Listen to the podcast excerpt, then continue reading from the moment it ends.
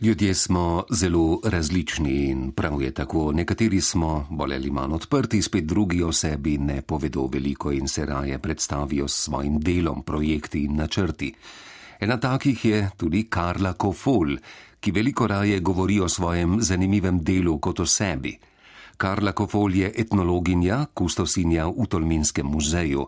Prihaja z Šentviške planote, to je svet, ki se dviga med dvema rekama, med dolino reke Bače in dolino reke Idrice. Doma je iz manjše vasice z okrog sedemdesetimi hišami z imenom Pečine. Pri njej doma so imeli gostilno, ki jo je vodila mama, oče pa je bil voznik. Karla Kofol pravi, da je bila to povsem povprečna delavsko-kmečka družina, saj je Šentviška planota še vedno izrazito kmetijsko območje. Karla je tudi zelo upeta v vsakdanje življenje skupnosti, bodi si v mestu ali na vasi. Ker je zelo radovedna in jo zanima veliko stvari, povezanih tako z etnologijo kot tudi širše, ji izzivov nikoli ne zmanjka. Karla Kofol je gostja v oddaji Razkošje v glavi, katere avtor je Milan Trobič.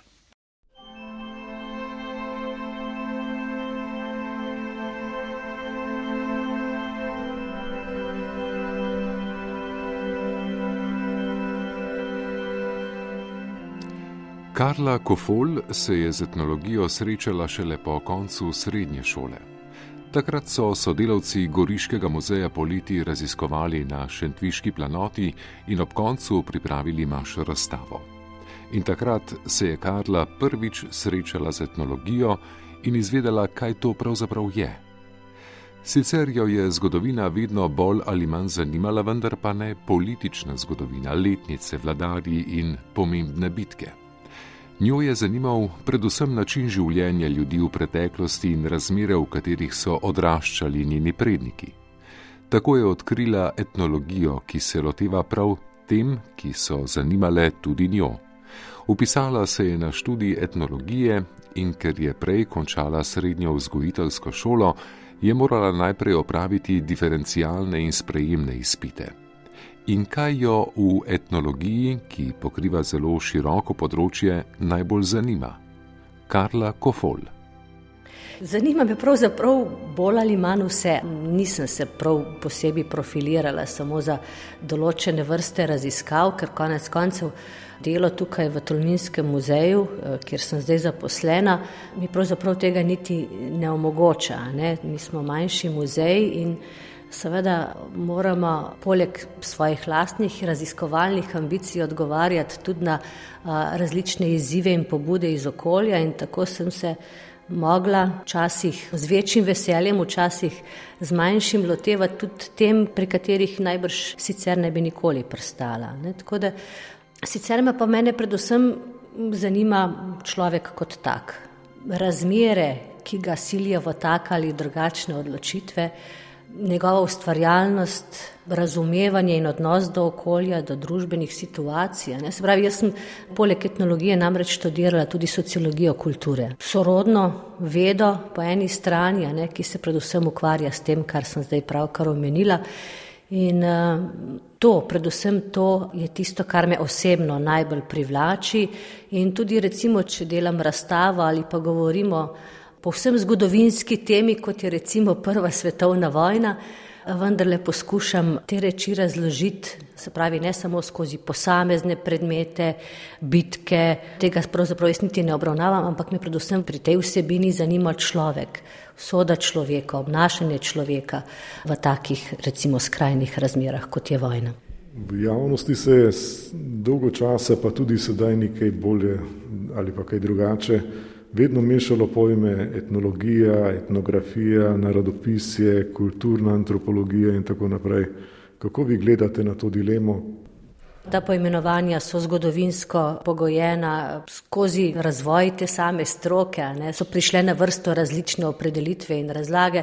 Jaz se pravzaprav s teorijo toliko ne ukvarjam. Meni je v bistvu etnologija kot stroka in to, kar sem pač skozi študij pridobila, mi je v bistvu samo orodje, s katerim poskušam razložiti tisto, kar pravzaprav mene zanima in upam, da zanima tudi tiste, katerim je to, kar počnem, namenjeno.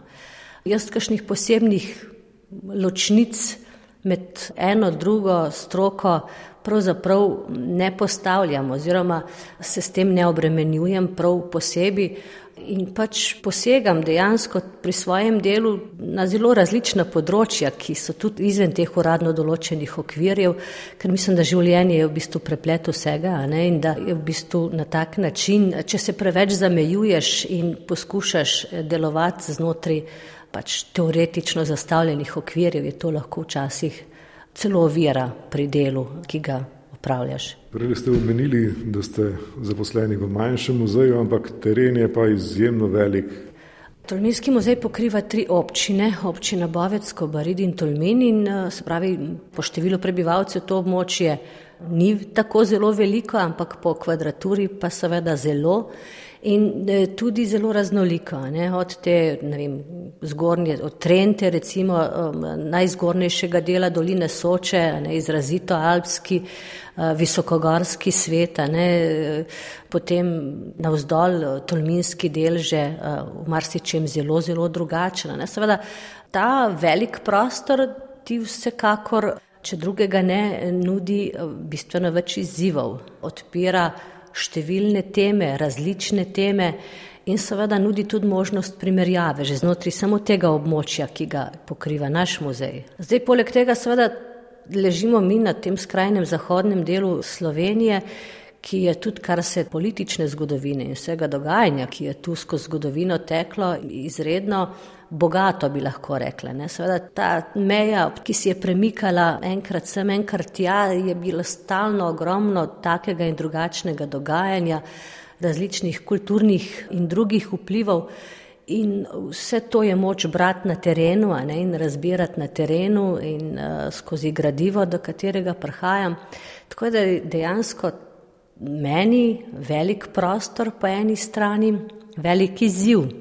Zdaj pa seveda vprašanje je, koliko lahko s temi našimi silami tu v muzeju, ker je nas dejansko malo zaposlenih strokovnih delovcev, koliko lahko ta prostor dejansko obvladujemo, ne pokrivamo. Vsekakor je tem, ki bi jih želela še v bodoče obdelati, bistveno več kot jih konec koncev, a ne v enem navadnem delovniku lahko. Izzivov je veliko in idej in upam, da vsaj tiste najbolj zanimive, vendarle v prihodnosti tudi pridijo na vrsto.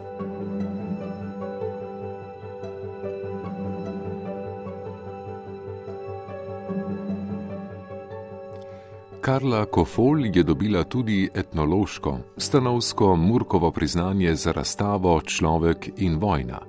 To pa ni povsem etnološka tema. Lahko bi rekla, da sem se lotila prav zgodovinske teme. Prva svetovna vojna, bi rekla, ni tema, s katero bi se ravno prvenstveno ukvarjali etnologi, ampak kot že rečeno, sem se jaz te teme lotila, nekateri bi rekli, iz ženskega vidika. Lejte, jaz sem postavila razstavo, ki govori o prvi svetovni vojni, ampak na tej razstavi ni bilo razstavljenega niti enega kosa orožja, Na tej razstavi ni bilo fotografije, na katerem bi bilo moč videti orožje. Izpostavila sem pa človeka, človeka, ki je bil pahnjen v to vojno kolesje in ki je konec koncev sprožil vojno kot tako, se pravi, spraševala sem se najprej o tem, kaj pripelje do tega, da, da vedno znova začenjamo nove in nove vojne. In potem seveda, že rečeno, kaj se dogaja z vojakom in na drugi strani s civilistom, ki je potem pahnjen v to morijo. In na koncu seveda vedno se postavi vprašanje, kaj smo se pravzaprav iz tega naučili, če smo se sploh česa. Ne? Se pravi, o taki in drugačni temi se da govoriti na zelo različne načine. Jaz poskušam, če se le da, a ne vedno seveda se ne da, zagrabiti temo z tiste strani, za katero mislim, da še ni bila obdelana. Ne, se pravi, poskušam pogledati na stvar še z kakšne druge, malo manj običajne strani.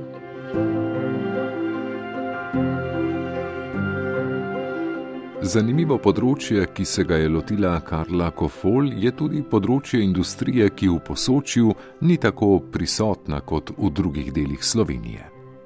Gornje posoče nikakor ni paradni kon slovenske industrije, oziroma nikoli ni bilo poznano kot izrazito industrijsko območje, ampak seveda industrija je pri nas vendarle bila. Ne? Industrija, povojna industrija, govorim po koncu druge svetovne vojne, je seveda omogočila tudi obstoj, oziroma ja, obstoj krajev tu na tem zahodnem delu Slovenije, ne? ker seveda, če ne bi bilo teh manjših industrijskih obratov, bi bila najbrž tudi marsikatera vas še bolj prazna, kot je že sicer. Te teme sem se pa lotila z tega vidika, ker kot izrazito terenski človek sem pač videla, da še zadnji pričevalci, ki so se pravi živeli v tem času, postavljali na noge te prve posoške tovarne, pravzaprav odhajajo in da s tem odhajajo tudi informacije, do katerih ne bomo več mogli priti, če se pač ne lotimo te teme sedaj.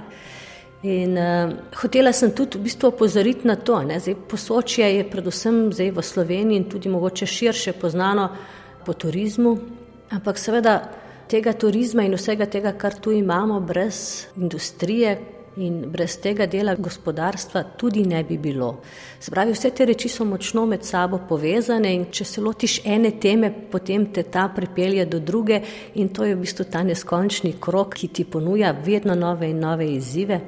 No, in tudi zaradi tega, se pravi, sem si zadala nalogo, da dejansko predstavim tudi ta del naše bližnje preteklosti, pravzaprav, ki še ni v središču našega zanimanja, ampak ga je treba proučiti, kot že rečeno, sedaj izkoristiti še te žive pričevalce in se pravi ga obravnavati ravno zaradi tega sedaj, ker potem jutri bomo imeli od tega bistveno manj, kar lahko dobimo danes. Tako da v bistvu ta predstavitev industrije je, bi lahko rekli, šele prvi del zamišljene trilogije na to temo pripravljen gradivo za naslednjo razstavo, s katero bom poskušala predstaviti gostinstvo, turizem in trgovino v tem prostoru, v, predvsem v tem povojnem času.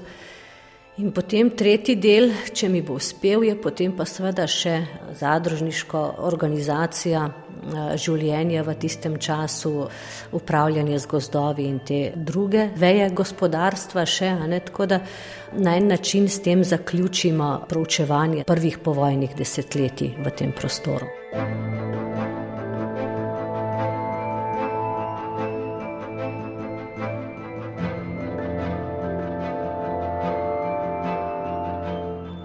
Karla Kofol se pri svojem delu srečuje tudi z vprašanjem meja, ki so se v posočju nenehno spreminjale.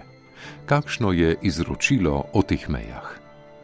Če govorimo o ljudskem izročilu in na tem spominu, vezanem na te meje, seveda vsakdo izmed nas, ki je še doživljal te meje, ima pravzaprav svoje lastne spomine na to, kako smo recimo švrcali stvari čez mejo, kako je izgledalo, ko si šel v Italijo. Zdaj niti ne veš, kdaj prečkaš mejo. Dosti krat včasih je bila to cela procedura od carinskih pregledov do skrivanja denarja in podobne stvari. Se pravi, teh zgodb je med ljudmi ogromno. Mi se spominjamo te meje za časa tako imenovane Titove Jugoslavije. Naši detki in babice še znajo povedati o meji, ki je nekdaj ločevala kraljevino Italijo in kraljevino Srbov, Hrvatov in Slovencev, ne, oziroma kraljevino Jugoslavijo. Kar nekaj tega je pravzaprav tudi zapisanega. Ampak seveda teh zgodb je še bistveno, bistveno več.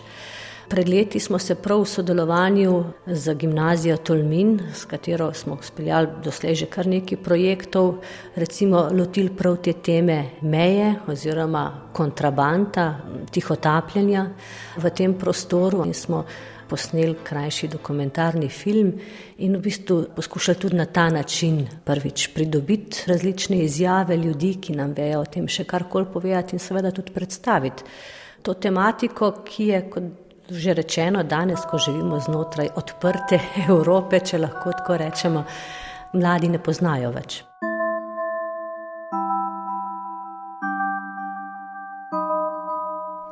Kaj pa Karlo Kofol poleg etnologije še zanima? Že od nekdaj rada veliko potujem, tako da poskušam se pravi to domačo realnost primerjati tudi z življenji ljudi drugot po svetu, ker mislim, da pravi v pogledu to, kaj imaš doma, da znaš pravzaprav to, kar imaš doma, pravzaprav res ceniti šele, ko imaš to možnost pogledati iz, iz distance, se pravi od zunij skozi prizmo življenj druge po svetu. Dosti krat dejansko se ne zavedamo, konec koncev, v kakšni lepi deželi živimo, pa to mogoče. Zveni zdaj že malo izrabljeno, ampak vendarle, ko se vrnem, vsakokrat meni se dogaja, ko se vračam z teh potovanj, sem vedno ushičena nad tem, kaj pravzaprav imamo doma. Od vode, ki jo lahko pijemo iz pipe, do čiste narave, miru, konec koncev varnosti, ki jo nam nudi ta prostor. Te reči res dejansko znaš ceniti šele, ko so ti vzete, ko vidiš, da pravzaprav to ni kar eh, samo od sebe umevno. Tako da ta pogled od zunaj zagotovo pripomore tudi pri teh mojih raziskavah, ne, ker se ti potem na tak način širi obzorje. Tako da seveda na teh potovanjih tudi, kolikor se le da, fotografiram. In podobno. Rekla sem, da sem zrasla gor na kmetih in seveda zemlja je tudi nekaj, kar me vleče in kolikor se le da, sem v naravi, vrtnarim in se ukvarjam s podobnimi stvarmi. Tako da to je pravzaprav več ali manj vse, kar me poleg službe vleče in mi daje navdih.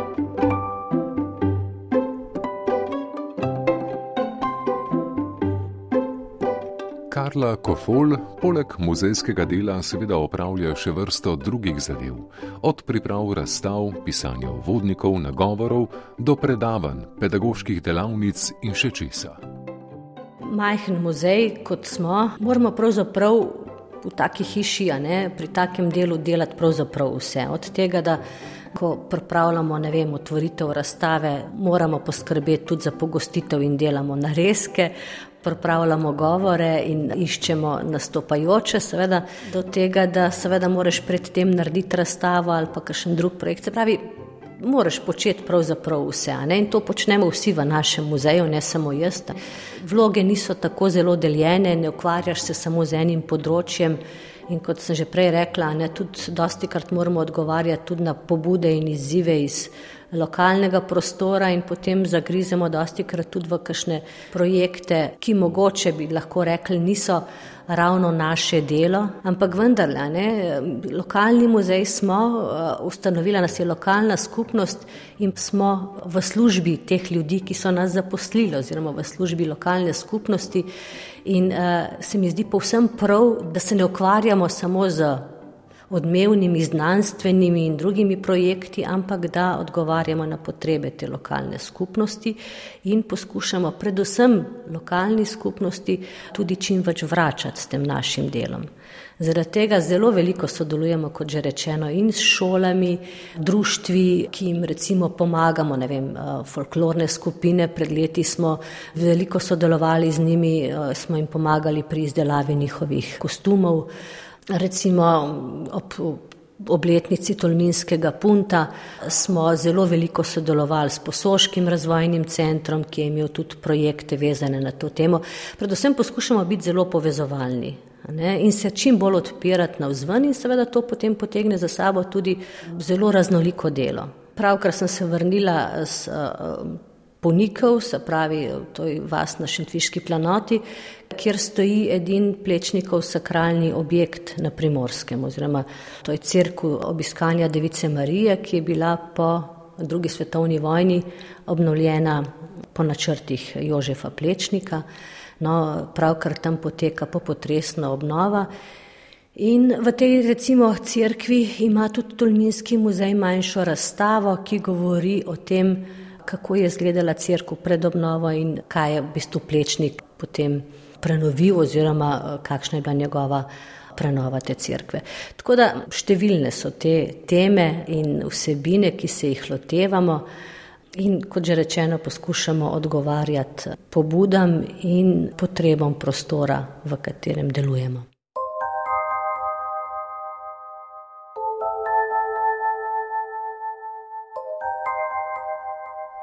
Se v sicer zanimivo delo kdaj prikrade nezadovoljstvo, razočaranje? Kdaj je Karli Kofol najtežje?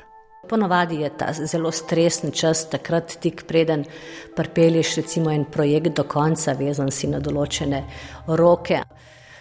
Seveda se tudi, če načrtuješ, da boš stvari pravočasno začel in jih prav razporedil, ponavadi pride vse na ta zadnj, te zadnje dneve, ne, ko je treba recimo postaviti razstavo, pa manjka to, drugo, tretje, pa se nekaj zalomi, drugo zalomi. In to so pravzaprav stresne stvari, ki jih pa potem zelo hitro pozabiš. In um, je takrat težko, ampak potem gre mimo. Zdaj, dosti krat me mene žalosti to, ker recimo na terenu odkriješ zelo dobrega informatorja, veš za nekoga, ki bi toliko stvari lahko povedal. Ampak potem umre in eh, se pravi, gre z njim v grob tudi marsikaj, kar bi sicer, če bi imeli za dost časa, to lahko ohranili, zapisali, posneli, ampak potem pač tega ni več. Ne? Tako da to me stalno nekoliko bremeni, ampak po drugi strani sem se pa z leti tudi naučila, da pač vsega ne moramo ohraniti in eh, da tako življenje je in da preko svojih meja oziroma meja zmožnosti tudi ne moremo. Ne? Tako da to so včasih stvari, ki me po tej strokovni plati mogoče žalostijo, bremenijo tudi mogoče, ampak nič tako zelo hudega ni to, da bi mi mogoče to delo priskutilo in, in ga pač ne bi želela več upravljati.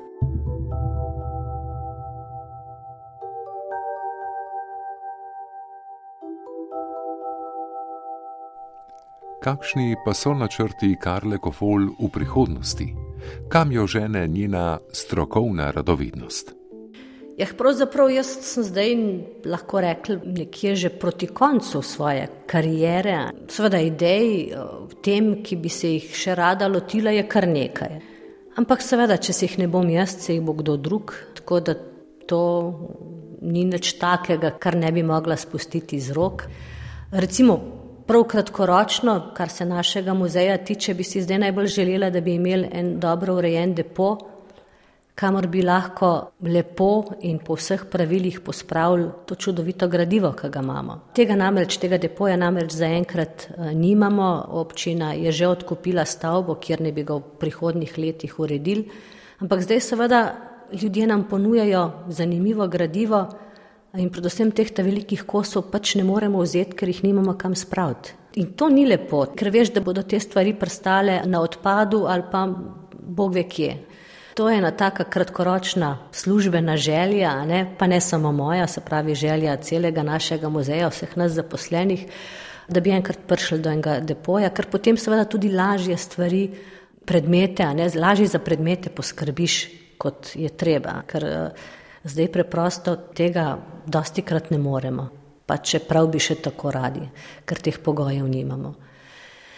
Sicer pa, no, kot že rečeno, en tak kratkoročni cilj je še raziskava tega drugega dela gospodarskega življenja povojnega, pa še številne druge teme pridejo, se ogrejem za nje, pa potem mogoče eh, opustim to idejo, ker ni mogoča. Tako da se pustim presenetiti in upam pa, seveda, da koliko časa bom še imela možnost delati tu v muzeju, da bom imela možnost se lotevati tistih tem, ki mi bodo meni še posebej ljube. In seveda zelo, zelo rada opravljam tudi ta pedagoški del mojega poklica. Ne. Veliko vodim, ne samo otroške skupine, tudi odrasle skupine. Ta vodenja me vedno znova napolnijo z energijo, ker mislim, da eno izmed pomembnih poslanstev muzeja eh, in predvsem muzejskih pedagogov je to, da, da to svoje znanje in, in poznavanje kulturne dediščine znaš prenesti tudi na, na druge, ker konc koncev to je smisel vsega tega našega dela, ne? osveščanje ljudi, izobraževanje ljudi. In če vidim otroke, ki z veseljem prihajajo v naš muzej, ki pridijo tudi popovdne, ko jim ni treba priti v šolo in pripeljejo s sabo še starše, stare starše, potem mislim, da je velik del tega mojega poslanstva oziroma našega poslanstva opravljen. In na tak način, če navdušimo za namce, tudi za preteklost in tudi za usode drugih ljudi, ne samo za svojo lastno dobrobit, potem mislim, da vendarle bo vsaj del tega, za kar so se trudili vsi pred nami, da bo vendarle ostalo tudi za naprej.